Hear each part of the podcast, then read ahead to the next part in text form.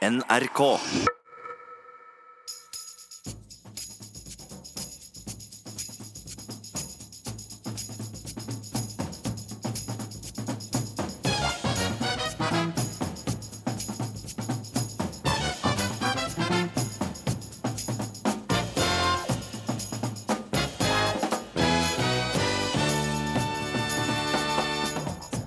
Hallo, Norge. Hva er det som skjer? Har vi alle sovet i timen?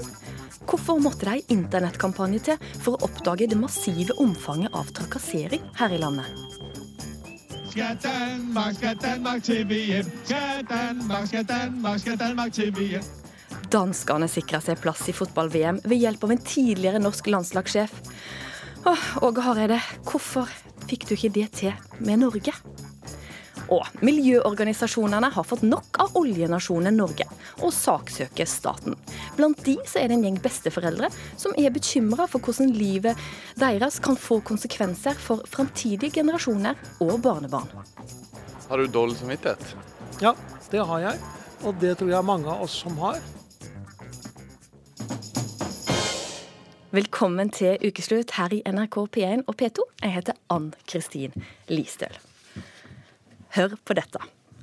Jeg har et møte på FaceTime med en mannlig aktør som jeg møtte på turné, for å avklare litt angående ei forestilling vi hadde blitt enige om å sette i gang. Han ringer altfor seint og fra senga. Jeg.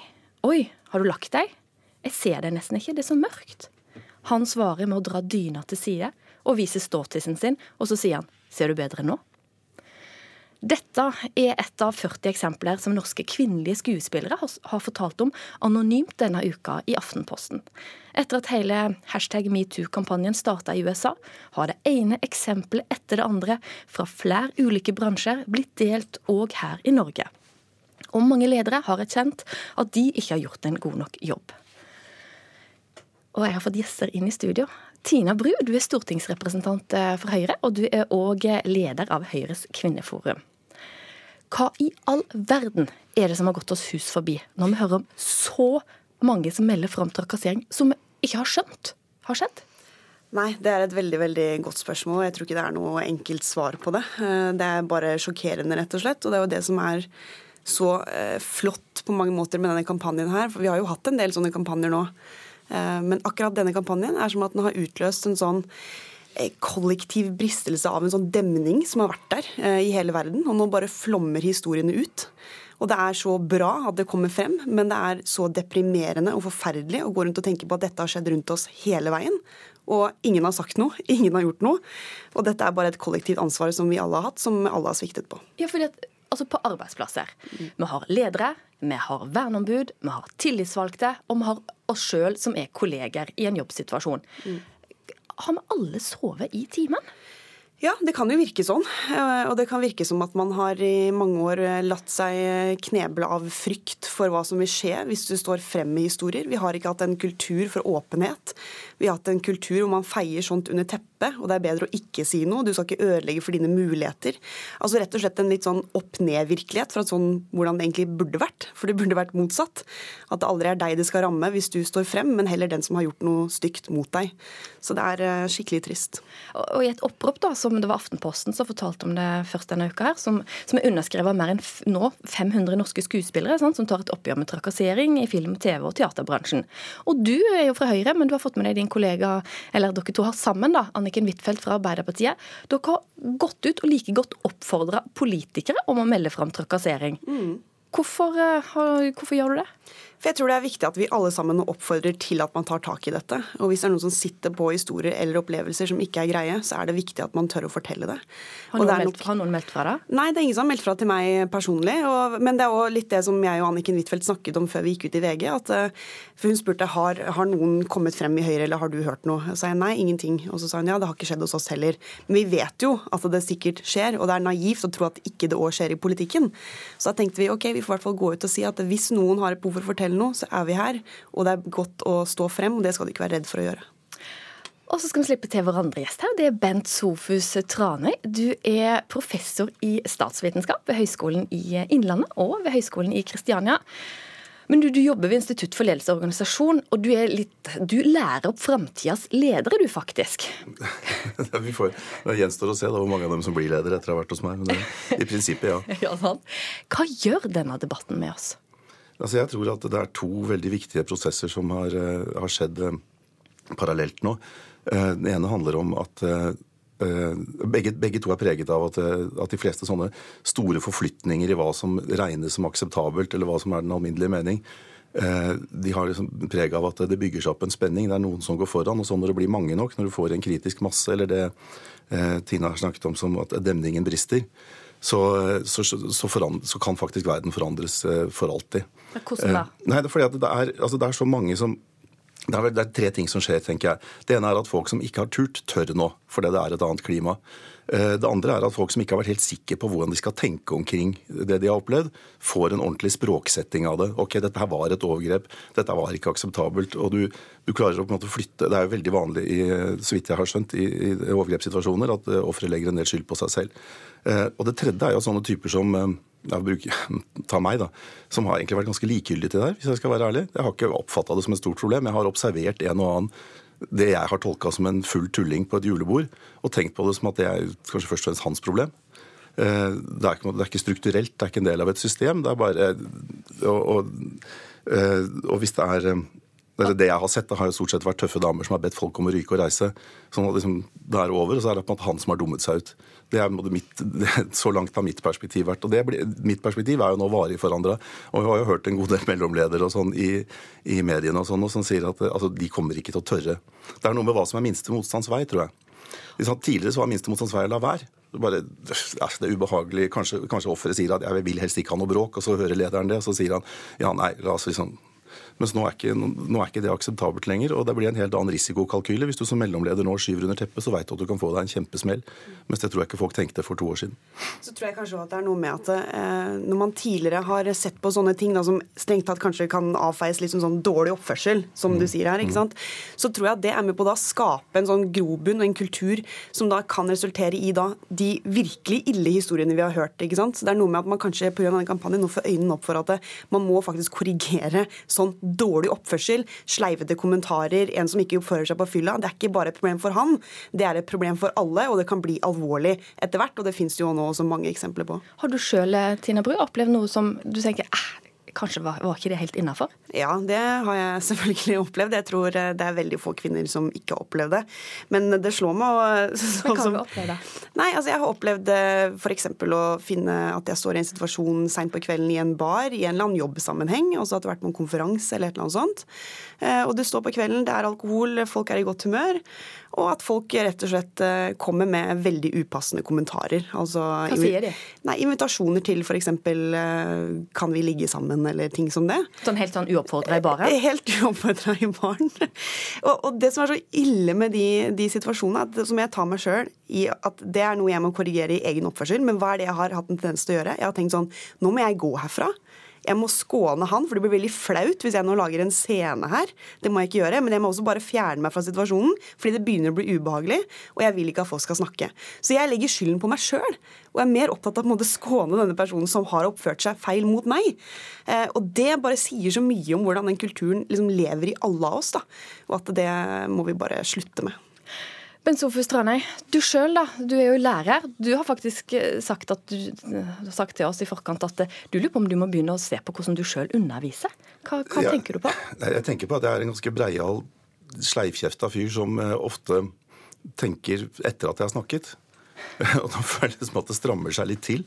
Så jeg må være forsiktig med hvilke eksempler jeg velger. Jeg må være sånn jeg være litt mer bevisst på måten jeg framstår på. Det, jeg mener ikke at det er utelukkende positivt heller. Men altså, her er det lett å blande sammen to ting. for vi har jo fått en generell krenkelseskultur rundt oss som jeg ikke alltid er like begeistra for, samtidig som jeg syns at denne agendaen her er kjempeviktig. Så det blir sånn å holde to tanker, i hodet på en gang. Hvis jeg får et forsøk på å holde de to tankene i hodet på en gang, da, så har jeg konkludert med at uh, at jeg skal være mer bevisst uh, hvordan jeg er framover. Konkret, da, hva du tenker at du ikke kan si? Jeg vet ikke jeg vet ikke hvor grensen går. men ta, for eksempel, Dette her kan bli vitenskapsteoretisk, eh, kanskje litt for eh, men ok, hvis du spør, I samfunnsfagene så opererer vi med noe vi kaller mekanismeforklaringer. I motsetning til lovmessigheter så sier vi at i en bestemt situasjon så kan det ene skje, eller det motsatte kan skje. Sånn at ikke du kan på forhånd si hva som er Og Da har jeg ofte brukt eksempelet at hvis et elskende par blir atskilt geografisk, så kan de enten være sånn som det amerikanerne kaller 'absence make the heart grow fonder', eller så kan det være ute av øye, ute av sinn. Så tenker jeg kanskje Hvis en jeg, 55 år gammel mann står og snakker om unge elskende, sånn, kanskje noen oppfatter det som ekkelt. Altså Jeg har det ganske sånn klart vitenskapelig. Liksom der, dette er et eksempel på en, to situasjoner som er helt like, men motsatte ting kan skje. Men fra nå skal jeg kanskje bare bruke at um, høyt henger de og sure er de, eller gress er grønnere på den andre siden, som er måte, det tilsvarende eksempel, da, som er helt sånn uskyldig. Og da kan det passe å trekke inn psykologen her. For vi har med oss òg eh, Rolf Lindgren fra Levanger. Der jobber du som privatpraktiserende psykolog, men du er òg eh, kjent for å jobbe mye med personlighetstesting. Og når du sitter her og hører Tina Bru som sier at hun må bli tydeligere på å si fra hvis noen sier hei, kan jeg ligge med deg, og Bent Sofus Tranøy her som blir usikker på hva han kan si i undervisningssammenheng, hva vil du si til dem? Det er veldig store individuelle forskjeller med hvordan man takler sånt, og hvordan man oppfatter sånt. Så eh, problemet, et problem er at du, du har ikke det, er, det finnes liksom ingen generelle regler for hva folk takler. Det beste er jo å aldri prøve seg. Men da kommer man ingen vei heller, kan man jo si. Ja, altså livet er liksom eh, altså, Livet er prøve og feile. Du... Og Det er derfor vi har sånne uttrykk som unnskyld og beklager og lei for det, det var ikke sånn jeg mente det. Og det, det, går til et visst punkt, og så er det spørsmålet er da, når er vi over det punktet. Men Du jobber mye med personlighetstesting. I den grad det går an å si det, da, hva kjennetegner folk som trakasserer? Nå spør du meg da, så vidt jeg skjønner, om, eh, om mennesker som ikke har noen diagnose, altså ja. Eh, normale mennesker. Ja. Eh, det forskninga sier, er veldig lite. Eh, det er veldig lite forskning på dette, så man er på en måte nødt til å gjette litt. Den forskninga jeg har sett, den viser at det er de som scorer lavt på conscientiousness, altså de som scorer lavt på planmessighet, ryddighet. Eh, de er eh, på den ene siden De har lett for å gjøre sånne ting. Mens det er de i den andre enden av skalaen som har høyest risiko for å bli offer. Og hvem er det, da? De som er ryddige. De som uh, gjør som det blir fortalt. Oi, Tina Bru, kjenner du igjen? jeg gjorde litt det, jeg må innrømme det. Men, uh, Hvorfor?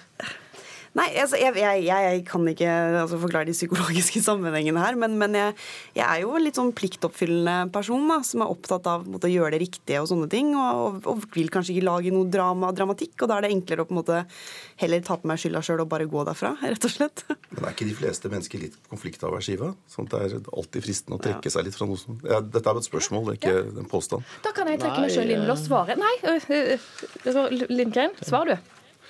Nei, halvparten av oss er, uh, unngår, halvparten av oss unngår konflikter i større eller mindre grad, og halvparten av oss uh, tar konflikter da, i større eller mindre grad. Så nei, det, det varierer ikke Men jeg kan tenke meg at det på, på uh, altså, samfunnsvitere, antar jeg, der tror jeg du finner de konfliktsky. Trane, kjente du det igjen? ja, nei, altså, jeg er veldig glad i en diskusjon om Men altså, jeg tror det er en grense. Altså når det blir den type ubehag som dette er. Altså Jeg har aldri vært leder i en situasjon hvor jeg har måttet bli konfrontert med en medarbeider som har gått over streken på den måten vi snakker om nå, men jeg kan kjenne på meg at jeg ville hata den situasjonen. At jeg ville ikke likt å holde på med det i det hele tatt. Sånn at selv om jeg er ganske stridbar på en del områder, så tror jeg at der ville jeg har fått kontakt med en konfliktaversiv del av meg selv. Det er jo rart at jeg da som politiker som har som jobb å egentlig gå i konflikt i min arbeidssituasjon stort sett hele tiden, eh, skal ha det sånn når det gjelder sånne personlige ting som det. Men eh, ja, det er kanskje ikke en sammenheng. Men jeg kan sjøl kjenne igjen det at det er litt sånn ja, jeg vil jo ikke være uhøflig, så jeg må jo si ja, være, være på en hyggelig måte. Men avslutningsvis, da. Tina Bru, hva er rådet ditt til de som kanskje sitter hjemme og føler at de ikke er flinke nok til å si fra? Jeg tror eh, man må gjøre det som jeg prøver å gjøre med meg sjøl, som jeg håper jeg har blitt litt flinkere på. Det er å faktisk bare gi beskjed. Altså, du, må, du må rope ut når du ser upassende ting. Hvis ikke så er det heller ingen ledere som får høre om det. Det er ingen som eh, kan gjøre noe med det. Og så tror jeg vi skal være forsiktige med å på en måte si at det, dette betyr at vi må slutte å liksom sjekke opp hverandre eller flørte med hverandre og sånn. Alle damer vet forskjellen på det som er en uskyldig flørt, det som er et forsøk på å bli kjent eller å bli sjekket opp, og det som er helt upassende eh, trakasserende oppførsel. Ja.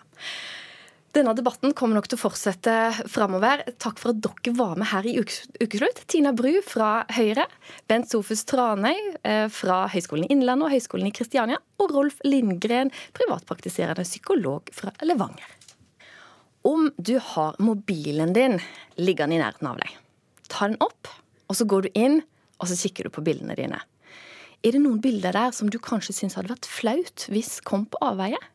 Eller kanskje noen der som hadde vært helt krise om andre fikk tak i. For hva om noen hacker mobilen din og henter ut private bilder av deg? Og deler de.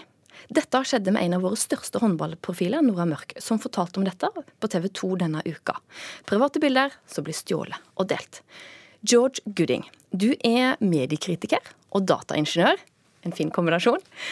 Du er rett og slett opptatt av å spre budskapet. Vi må droppe å ha bilder på mobilen som faktisk ikke tåler å komme på avveie. Hvorfor syns du det er viktig å spre det budskapet? Eh, gjennom mitt yrke og fagområde så, så, vet jeg hvor eh, dårlige folk er til å sikre duppedittene sine. Um, og selv folk som jobber innenfor bransjen, vet jeg er slepphendte med det. Og da, da, må man nesten bare si at bare, bare dropp å ha det på mobilen. Fordi du, du har ikke så mye kontroll som du egentlig tror. Har du sjøl bilder på, av deg sjøl på din mobil? Ikke akkurat nå. Eh, jeg har hatt eh, sånne type bilder og tatt eh, det selv. Men noen år siden så kom jeg fram til at risikoen forbundet med det er rett og slett for stor. Selv om jeg er veldig forsiktig person sånn sett med teknologi, så, så har ikke jeg heller full kontroll hele tiden. Og, og for folk som blir usikre, da, denne type bilder, hva slags bilder er det vi ikke bør ha på mobilen? Nei, det, det, må jo den enkelte bestemme selv. Eh, for eksempel, jeg noe, blir ikke blyg av at noen ser på rumpa mi, eller noe sånt, men, men, eh, kanskje bilder av litt mer seksuell karakter tror jeg de fleste hadde blitt litt pinlig berørt over om andre fikk se. Jeg tror kanskje jeg sjøl har blitt litt pinlig berørt hvis et rumpebilde kom på avveie. Men Linn Vinsnes Rosenborg, du er samfunnsdebattant og pedagog. Du blir litt oppgitt over argumentasjonen med liksom 'dropp det, dropp det'. Hvorfor det? For det første så må jeg si at uh, digital danning og nettvett er noe av det jeg brenner mest for, og var jo med i en kjempespennende debatt i sommer om barns produksjon av uh, overgrepsmateriale ved å ikke bli opplært godt nok i nettvett. Så dette er noe som jeg syns er viktig. Sånn sett kan jeg stille meg delvis bak det som blir sagt, men samtidig så opplever jeg det som provoserende og litt fordummende at denne debatten atter en gang kommer opp når det er snakk om seksuell trakassering og overgrep. Hvorfor da? Fordi det igjen retter fokus feil vei. Det retter igjen fokus vekk fra overgriper og over på den som har blitt utsatt for et overgrep. Eh, det blir på en måte den diskusjonen om sykkelbukse under eh, russebuksa en gang til. Og den diskusjonen har vi hatt så innmari mange ganger, og vi trenger den ikke flere ganger. Ja, for det var, det var, vel noen som kom med anbefalinger til russejenter. Ha ei sykkelbukse ja. under ja. russedressen. Ja, Gudding. Altså, når du ikke gjør noe uh, galt da med å ha et bilde av deg sjøl, hvorfor, hvorfor, skal liksom det såkalte offeret endre oppførsel? Hvorfor skal ikke de andre slutte å gjøre det? Selvfølgelig skal de andre slutte å gjøre det, men eh, la meg ta et eksempel. Eh, det er risiko forbundet med å gå over et gangfelt. Det, du vet jo ikke om de bilene stopper eller ikke.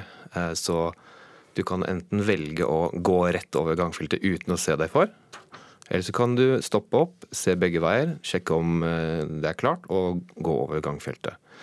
Eh, det man bidrar til ved å nekte å forholde seg til at eh, det er en stor risiko med å ha sånne bilder på mobilen, det er som å gå rett over gangfeltet uten å se seg for. Og det er jo ikke din skyld, selv om en bil kjører over deg når du gjør det. Det er jo bilføreren sitt ansvar å stoppe for deg. Men det hjelper ikke deg når du blir kjørt over. Da er det for sent uansett. Så, så ja, det er jo den andres ansvar å, å, følge loven, men folk følger ikke alltid loven. Og det må man faktisk bare forholde seg til. At verden er ikke sånn som man ønsker at den er. Ja, svar på det, Rosenborg. Det er akkurat disse argumentene som jeg opplever og tolker som fordummende, nedlatende og lite konstruktive for debatten. Uh, Gudrun skriver i bloggen sin eh, Hvorfor kommer disse beskyldningene om skyldpåføring bare når temaet er forbundet med kvinner og sex? Og da kan man jo spørre tilbake hvorfor kommer disse formaningene om å ta diverse selvfølgelige forhåndsregler kun når det gjelder kvinner og sex? Fordi dette er jo en selvfølgelighet at man skal se seg over og også se seg for før man går over gata. Og kvinner er oppdratt fra vi blir født til at vi må være forsiktige. Det er vi som får beskjed om å passe på hvordan vi kler oss. Ikke gå alene hjem fra byen. Som går med nøkkelknippet stikkende ut mellom fingrene på vei fra nattbussen. Vi vet at vi må være forsiktige. Det er ikke noe vits i å fortelle oss det. Det bidrar kun til at debatten tar en feil retning. Igjen. Eh, I dette tilfellet så er det sånn at uh, det, er forskjell mellom, mellom, noen ting som alle vet, og i dette tilfellet hvor det handler om teknologi og uh, hvor det er sterke følelser i sving. Uh, det er veldig pirrende å ta, ta, sånne bilder og sende de til noen man er glad i, eller noen som man har lyst til å sende de til. Og da er det ikke alltid man, man tenker helt over hva man, hva man holder på med. Og det er en del av å være teknolog, sånn som meg, at Eh, jeg syns det er kjempefantastisk med alt teknologi kan løse for oss, men man må også være litt kritisk til eh, hvordan man bruker det, og om det er, går for langt av og til. Eh, man må forholde seg til at det er etiske, problematiske sider ved teknologi. Og det er ikke alle som mestrer det. De færreste, faktisk, som mestrer det. Og når det er, du kombinerer det med sterke følelser om lyst og, og seksuell pirre, ja, da, da, er det ikke sånn at man tenker over hva man gjør alltid. Og da eh, havner man opp i å gi eh, kriminelle og andre en gyllen mulighet til å ta utnytte deg. Og da må man kanskje bare stoppe opp litt og tenke. Ja, for, altså, Rosenborg, sant? Med, altså, Jenter vet ofte pass deg for å gå alene hvis det er seint på natta. og ok, Ha på deg refleks og den type ting. Men, ja. men, men nettopp med IT, da, sant? der det er store muligheter for å gjøre galne ting, har Guding et poeng med at dette er folkeopplysning. vet du hva? Ikke ha de bildene på mobilen, for det, du unngår så mye dritt. Vi må forholde oss i den nye digitale hverdagen. Det må vi. Det er jeg helt enig i. Vi er nødt for det. og Det er derfor også jeg er en av de som har pusha på med at det ikke holder å ha eh, digitale ferdigheter som en grunnleggende ferdighet i gjeldende skole- eh, eller kunnskapsplan, hvis ikke, det, hvis ikke lærerne følger det, og hvis ikke det blir fulgt opp i fagplaner. Eh, samtidig så, så syns jeg det blir sånn gjen, altså gjenshausing av ulike viktige temaer. Én ting er digital danning og digital bevissthet og digital bevisstgjøring. Helt fint, jeg er helt med på det. Men la oss ikke blande det opp i seksuell lyst og Jeg opplever at man her ber kvinner om å tøyle sin lyst hvis man finner det pirrende å ta denne type bilder og sende det. Framfor, det framfor menn, hvis jeg bare kan fullføre argumentasjonen, framfor å be de som bryter loven, om å tøyle sin til, lyst til å bryte loven. Ja, men han mener at menn òg skal la være å ha de bildene? Ja, det, det forstår jeg. Jeg forstår det. Fokuset mitt her er hvilken retning vi tillater at debatten tar. For vi velger hvilken retorikk vi har i en debatt. Og retorikk har makt. Og vi styrer debatten. Begge to er Nettavisen-bloggere og en del av det offentlige ordskiftet. Og vi styrer debatten gjennom å bruke våre blogger. Og da velger vi hvilken retning debatten skal ta. Og dette er ikke den retningen vi ønsker at den skal ta i denne forbindelse. Kunne du sjøl hatt bilder på mobilen din? Ja. Som, altså, som du syns er ubehagelig hvis kommer på avveier? Ja.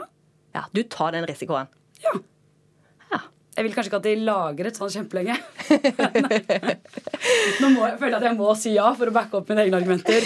Men eh, jeg, nei, men det er lov å si nei. Ja, men allikevel Jeg vil nok ikke hatt de lagret fordi jeg har en digital bevissthet. Og jeg er helt for, som sagt, da, det George sier om å øke den digitale bevisstheten. Jeg bare er ikke for å blande sammen disse, disse diskusjonene. Fordi jeg mener at det visker ut grensen mellom hvem som har ansvaret for hva. Dere to, denne debatten kan vi sikkert ta flere ganger, så kanskje dere heller kan komme tilbake på et senere tidspunkt. Dere er begge to bloggere fra Nettavisen. George Gooding, takk for at du var med, mediekritiker og dataingeniør. Og Linn Vinsnes Rosenborg, samfunnsdebattant og pedagog. Og følg med videre, så skal du få høre at edruelig festing er i vinden. Og nå blir det òg vanligere å droppe alkoholen på julebordet. Er det nødvendig, eller trenger vi litt fyll og spetakkel? Kutt ut spriten. Det er i hvert fall ett av rådene, og her var det Anne B. Røgde vi hørte. Og snart er Åge Hareide med oss i studio etter at han denne uka tok danskene til VM i Russland.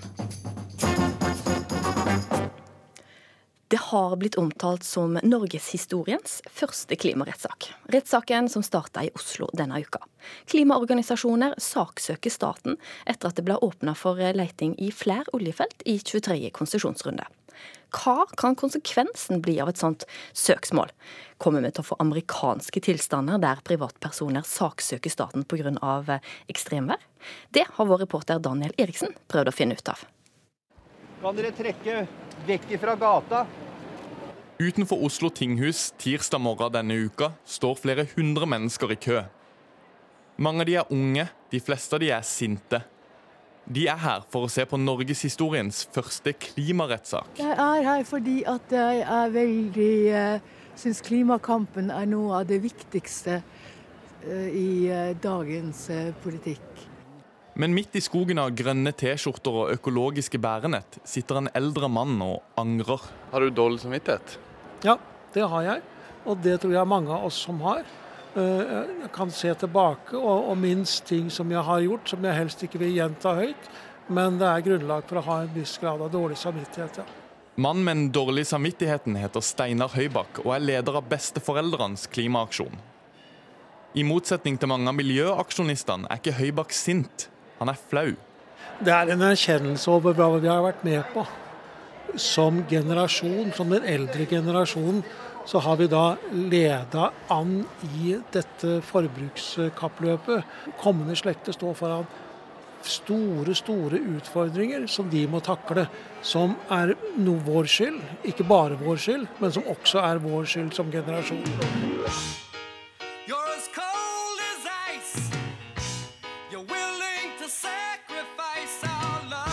Besteforeldrenes klimaaksjon er med på søksmålet mot den norske stat, sammen med Natur og Ungdom og Greenpeace. Grunnen til at de saksøker, er at staten tidligere i år delte ut enda flere oljefelt i Barentshavet, i den famøse 23. konsesjonsrunden. Dette mener saksøkerne er et brudd på grunnlovsparagraf 112, der det heter at Enhver har rett til et miljø som sikrer helsen, og til en natur der produksjonsevne og mangfold bevares. Statens myndigheter skal iverksette tiltak som gjennomfører disse grunnsetninger. Ja, alle bestemmelsene i Grunnloven er i og for seg vanskelig å tolke, fordi eh, de er jo ganske overordnet. Det er overordnede prinsipper. Eh, mens eh, livet og virkeligheten er jo mangfoldig. Sier Hans Petter Graver, professor på Det juridiske fakultetet i Oslo, der vi går rundt i novembersola.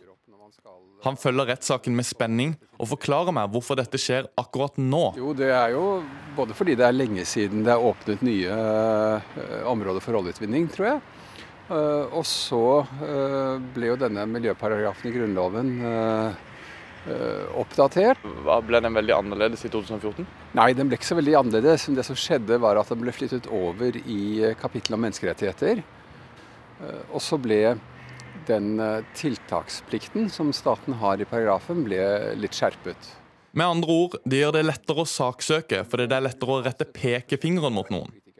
Og så er det en ting til.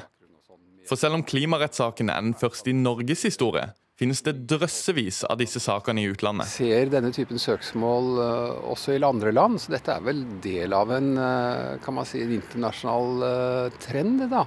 Og den vil jo gå inn i, som jeg sa, også Eh, en mer internasjonal sammenheng. Eh, sånn at denne saken følges jo med eh, interessante øyne også fra folk utenfor, langt utenfor Norges grenser. Er dette det store som skjer i norsk jus for tida? Ja, Det er i hvert fall en av de tingene som skjer. Så Jeg var sammen med noen kolleger i går, og da snakket vi også om denne saken. Er det sånn at det blir diskutert, da? Eller er, det, er alle enige? Nei, det er vi ikke. Det er nok en del diskusjon om dette her også. Hei, Daniel. Her. God dag, god dag. Eh, skal vi rett og slett gå inn på et eh, kontor? Gjerne. Skal jeg hente tingene mine? En annen som følger denne saken tett, er tidligere finansminister og SV-partileder Kristin Halvorsen. Hun er nå leder for klimaforskningssenteret Cicero, som faktisk har forskere som skal vitne i rettssaken. Og Cicero har ikke noen mening om utfallet av rettssaken. Men det er jo et nytt skritt og en spennende sak å, å følge med på. Og det er flere forskere som er innkalt til å vitne i dag, og en av dem er fra Cicero. Halvorsen tror vi får se flere klimarettssaker framover. Ja, Dette er jo et, en prinsipiell sak, men det kommer til å være mange erstatningsspørsmål knytta til klima og skade framover. Som finansminister hadde Halvorsen ansvaret for den store norske sparebøssa, oljefondet. Nå er hun redd for at vi skal tape de pengene i søksmål. Og én ting som kanskje burde begynne å, å bekymre den norske stat da, det er jo at i motsetning til veldig mange andre land, så har jo vi forvalta inntektene fra petroleumssektoren klokt. Det betyr at vi har et oljefond som egentlig står og lyser eh, for de som er på jakt etter noen som kan dekke de tapene de har hatt pga. klimaskade. For det har vi råd til. Vi kunne på en måte tatt Vi tar Maldivene-regninga. Det kan vi fint gjøre med det gigantiske oljefondet vi har. Det vil i hvert fall eh, kunne være en tanke som slår Maldivene, for å si det sånn. Men andre stater er ikke de eneste som kunne tenke seg en liten slump fra oljefondet. Halvorsen rynker litt på brynene og sier at det også kan komme nasjonale søksmål. Og så kan det komme den typen saker som er mer lokalt uh, utgangspunkt, nemlig uh, saker som dreier seg om kostnad ved skade på uh, f.eks. ekstremværhendelser. Sterke regnfall som fyller kjellere forsikringsselskaper eh, som får krav på seg i forhold til å betale ut mye. Oh, det høres amerikansk ut. Hørtes det det? ja. Det høres veldig amerikansk ut på, i stilen på at vi på en måte, hvis det er noe galt, så bare saksøker vi for å få noe erstatning. Ja, man kan kanskje si at det er en uh, mer amerikanisert måte å tenke rundt uh, ansvar på.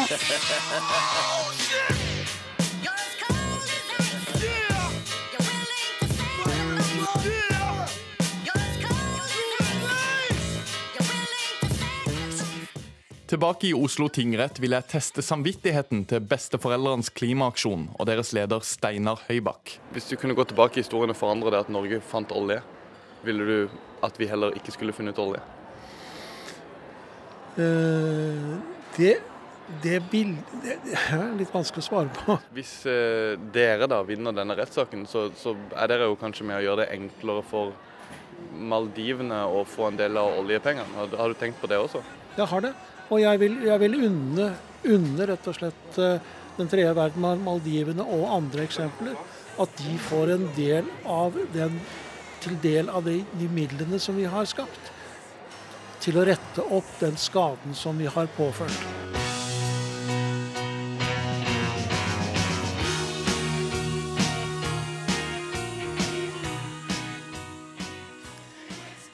Reporter Daniel Eriksen. Og klimarettssaken som starta denne uka, den går i Oslo tingrett til og med fredag neste uke. Neste år så er det fotball-VM i Russland. Dit skal Sverige, Danmark, ja, til og med Island har kvalifisert seg. Men vi, Norge, vi skal ikke. Vi klarte ikke å kvalifisere oss. Men det var faktisk en nordmann som tok danskene til VM. Hør her. Skal Danmark, skal Danmark, skal Danmark til VM. Skal Danmark, skal Danmark, skal Danmark til VM. Selvfølgelig, selvfølgelig, selvfølgelig skal vi det. Så glad blir danske sportskommentatorer når Åge Hareide klarte å ta det danske landslaget til VM. Og Åge Hareide, gratulerer med VM-plass etter at dere slo Irland 5-1 denne uka. Takk skal du ha. Du, hvis vi skrur tida litt tilbake til da du skjønte at eh, plassen var sikra. Hvis du koblet huet ditt, gå inn i din egen kropp. Hvordan kjentes det? Nei, det, det er jo en eh, Ja, det er jo en, en spesiell følelse. Jeg tror, eh, jeg tror, du må stå der selv for å, for å forstå det, egentlig. Fordi veldig, veldig mange er jo glad på yttersida, men jeg tror når du står på linja og er ansvarlig for det, så er det en helt spesiell følelse. og det jeg klarer ikke å rekonstruere det engang, egentlig, for det, det, er så spesielt. Og det, det, er alltid sånn når du klarer noe eller vinner noe i fotball, så er det, er det veldig sånn lykkerus, og så uh, går den over. Og så må du bare, må du bare vinne neste gang igjen. Ja, men er det nesten sånn når du står der at du, det svartner litt?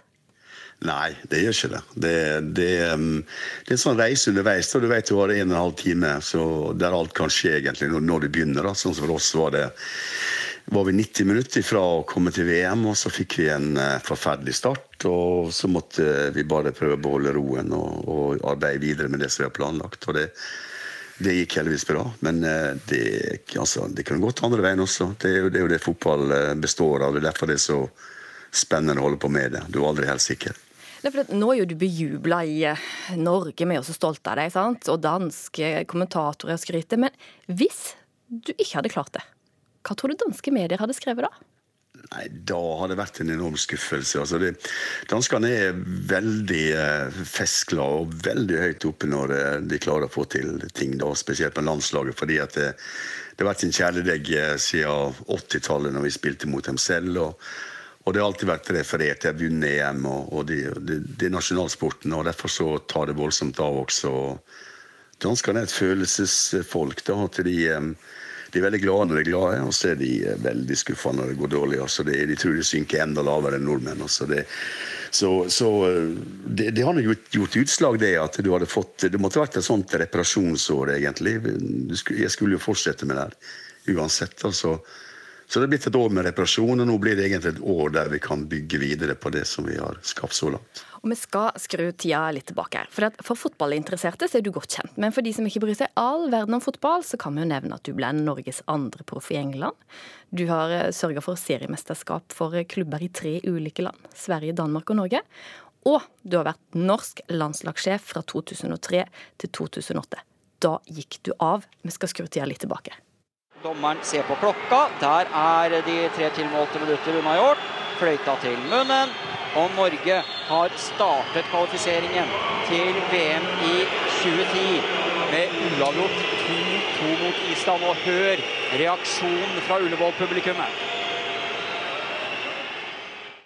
Etter eh, lang tids eh, refleksjon, da, etter, spesielt etter Ukraina-kampen, eh, så um, har jeg for så vidt um, i samråd med Sondre og Karen uh, Vi har for så vidt kommet fram til at jeg, jeg går av som landslagstrener. Du er litt tom.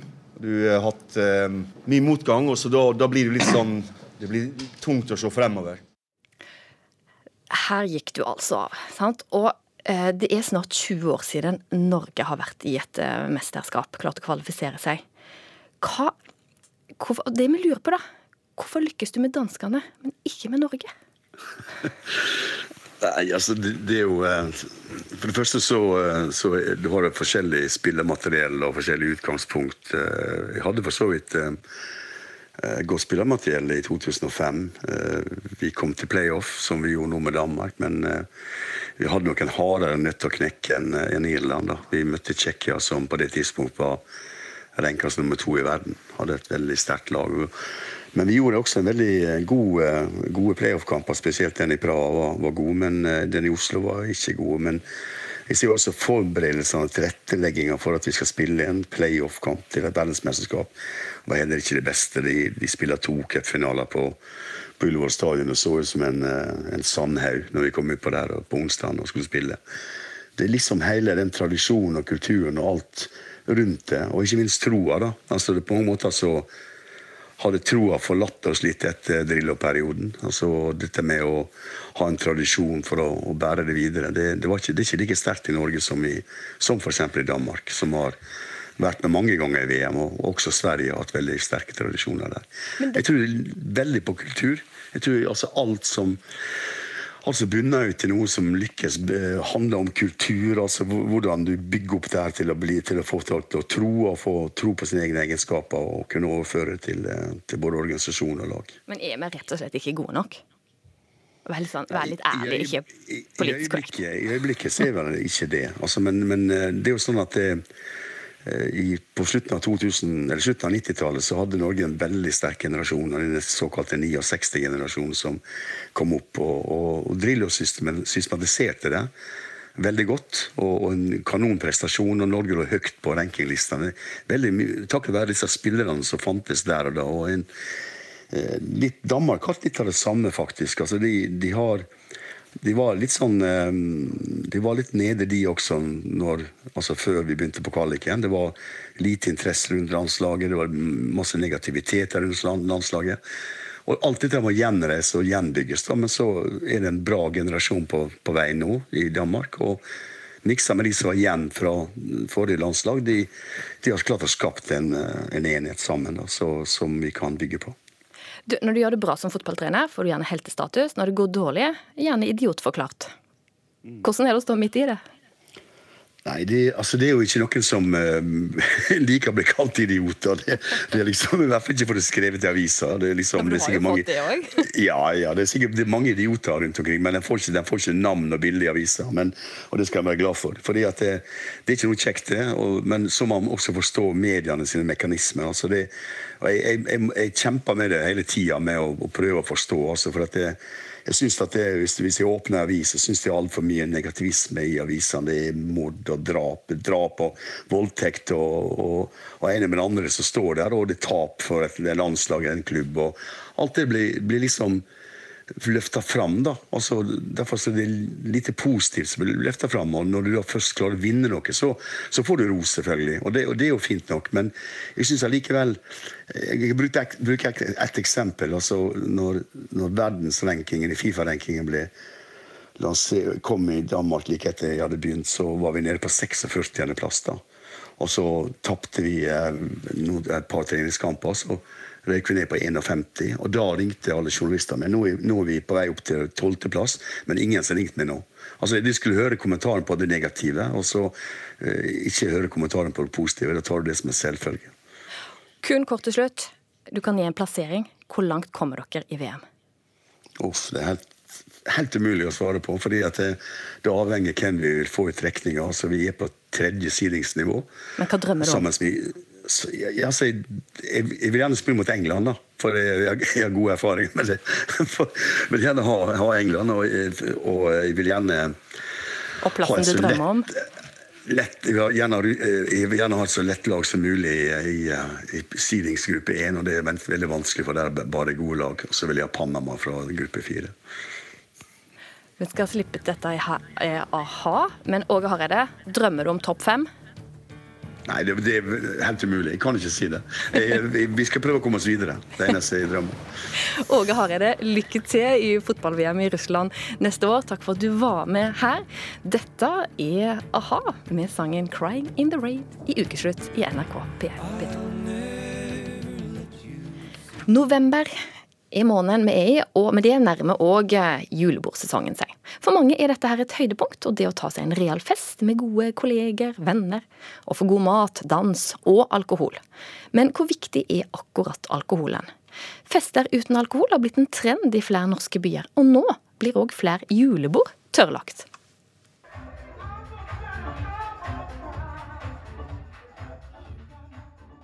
Det er litt vanskelig å komme i gang. Men det er veldig deilig når man kommer i gang, for da kjenner man at man kan liksom danse og føle seg fri uten å ha drukket noe, og selv om det er på morgenen, da, selv om det er en tid man egentlig ikke pleier å feste. Vi står her på et dansegulv. Her er det fullt av danseglade voksne mennesker som slipper seg løs til musikken. Noen har til og med limt på litt glitter i ansiktet. De fargerike dekorasjonene henger ned fra taket, og iblant hører man noen gledesrop fra dansegulvet. Det høres ut som en helt vanlig fest, men langt ifra.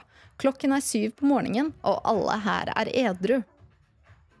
Det er litt vanskelig å komme i gang, men det er veldig deilig når man kommer i gang. For da kjenner man at man kan liksom danse og føle seg fri uten å ha drukket noe, og selv om det er på morgenen, da, selv om det er en tid man egentlig ikke pleier å feste. Dette er et konsept som heter Breakfast Beat, og foregår på Sentralen i Oslo. Edru morgenfest før jobb er en trend som har spredd seg til flere norske byer. Det er jo eh, tidlig, men eh, det er noe med det der eh, fem minutter med litt oppvarming, så, er du, så, er det, så går det greit, liksom. Men det er ikke kun på morgenen at edrueligheten står i sentrum. Også flere av julebordene de siste årene har båret et preg av mindre alkohol enn vanlig, ifølge NHO. Akan, som er NHO og LOs komité mot alkoholisme og narkomani, har også merket en endring i julebordvanene. Camilla Bakkeng, som er fagansvarlig i komiteen, forteller at bedrifter er opptatt av å gjennomføre julebordene litt annerledes. Da man valgte å flytte julebordet ut til en eh, litt mer fancy restaurant, hvite duker, lagt mer penger i selve matopplevelsen eh, og gode viner. Eh, forventninger til at man pynter seg osv. Og, så og at det har endret eh, rett og slett innholdet på julebordene. For Kjell Ola Kleiven, som er selverklært mester i å dra på julebord edru, passer dette helt glimrende. Det er jo en fantastisk opplevelse, egentlig, for du får jo med deg alt som skjer. Og alle skandalene, all, all ironien som folk ikke skjønner selv. Alt som egentlig skjer den, den, dagen, det får du jo med deg. Men så utover kvelden så blir det jo et sant helvete, og det er jo da det er på tide å gå hjem. Han er en fyr som har ting på stell. Håret er stylet, det samme med skjegget. I tillegg går han med en trendy svart skinnjakke. Han forteller at selv om han er avholds, så kan han nyte et helt vanlig julebord. Når vinen kommer på bordet, så takker jeg aldri nei. Jeg lar den bare stå der. Jeg kan godt skåle med de andre med et vinglass, og så drikker jeg heller Farris ved siden av. Eh, men det er klart at du skal på en måte være smart nok da, til å bare skåle med vinglasset, og ikke gjøre noe stort nummer ut av det. For gjør du det, så er jo helvete løs. Både fordi at de andre får dårlig samvittighet fordi du ikke drikker, og så føler de seg litt dumme for det de drikker. Og i tillegg så får du jo den effekten at hele festen kan jo bli ødelagt for at alle plutselig skal gjøre et nummer ut av at du ikke drikker. Og det vil du jo ikke. Jeg bare tenker, Hvis jeg hadde vært kollega med deg, så hadde jeg vært sånn Å nei, ikke han edru, kjipe fyren som er vitne til alt, og så kan han dra hjem med god samvittighet. Ja, Da er det jo et veldig godt råd, å gi, og det er jo aldri være fullere enn sjefen. I de fleste sammenhengene så har jeg som regel vært ansvarlig leder. Og Da har det jo vært et helvete for mine kollegaer. Så har de lært seg etter hvert at jeg skjønner at de er mennesker, så hvis de har lyst til å drikke seg fulle, så må de gjerne gjøre det. Forfatter Anne B. Ragde er glad i julebord, og synes at sosialiseringen som skjer rundt jul, er det viktigste med hele julen. Hun forteller også om sitt første og beste julebord i en tid der festingen var mye villere enn det den er i dag. Ja, det var wining and dining og fri bar og alt, og det var egentlig altfor mye alkohol. Det, men sånn var det. Det her var helt i starten av jappetida. Selv om hun er glad i julebord, så mener hun ikke at jappetidens festligheter skal være standarden for eh, dagens julebord. Hele året ellers så sitter vi med nesa mot en skjerm eller din telefon og man trenger det her sosiale limet. Men det går an å gjøre det om til en julelunsj. F.eks. en fredag før jul, og så stenger man eh, sentralbordet fra tolv og utover. Og så har man en deilig julelunsj før man går hver til sitt. Og så vil jeg også si kutt ut spriten. Tilbake på edrufesten på Sentralen er en av arrangørene, Stine Amundsen, overbevist om at det å danse løs uten hjelpemidler, som noen glass øl, er noe som er kommet for å bli. Vi har solgt ut billettene hver eneste gang, så tror jeg det snakker litt for seg selv. Eh, og det, vi ser jo også at det bare det er mye mer pågang, og folk ja, det er mye mer pågang, og folk eh, er mer gira på kanskje å gjøre dette her enn å dra ut på byen. Det var ukesluttsreporter Leila Ferretovic som hadde tatt et lite dypdykk inn i julebordsesongen. Terje Alsvik Valle, statsmeteorolog, velkommen i studio. Det blir ruskevær, særlig på Vestlandet. Ja, det er, det er, mye vind der nå, og det fortsetter en stund til resten av dagen, egentlig, med både kuling og byger. F.eks. Sola flyplass i Stavanger har nå 16 meter per sekund, som er ganske mye vind til å være litt inn i landet også. Og det vil roe seg ned i løpet av natten, men før det så vil det blåse og være byger, da. I kveld blir det lettere vær i Møre og Romsdal, og så brer det seg støver til Sogn og Fjordane sent i kveld. Resten av landet har stort sett oppholdt seg i dag, men lokalt så drysser litt lett snøfall på Østlandet og på kysten av Finnmark.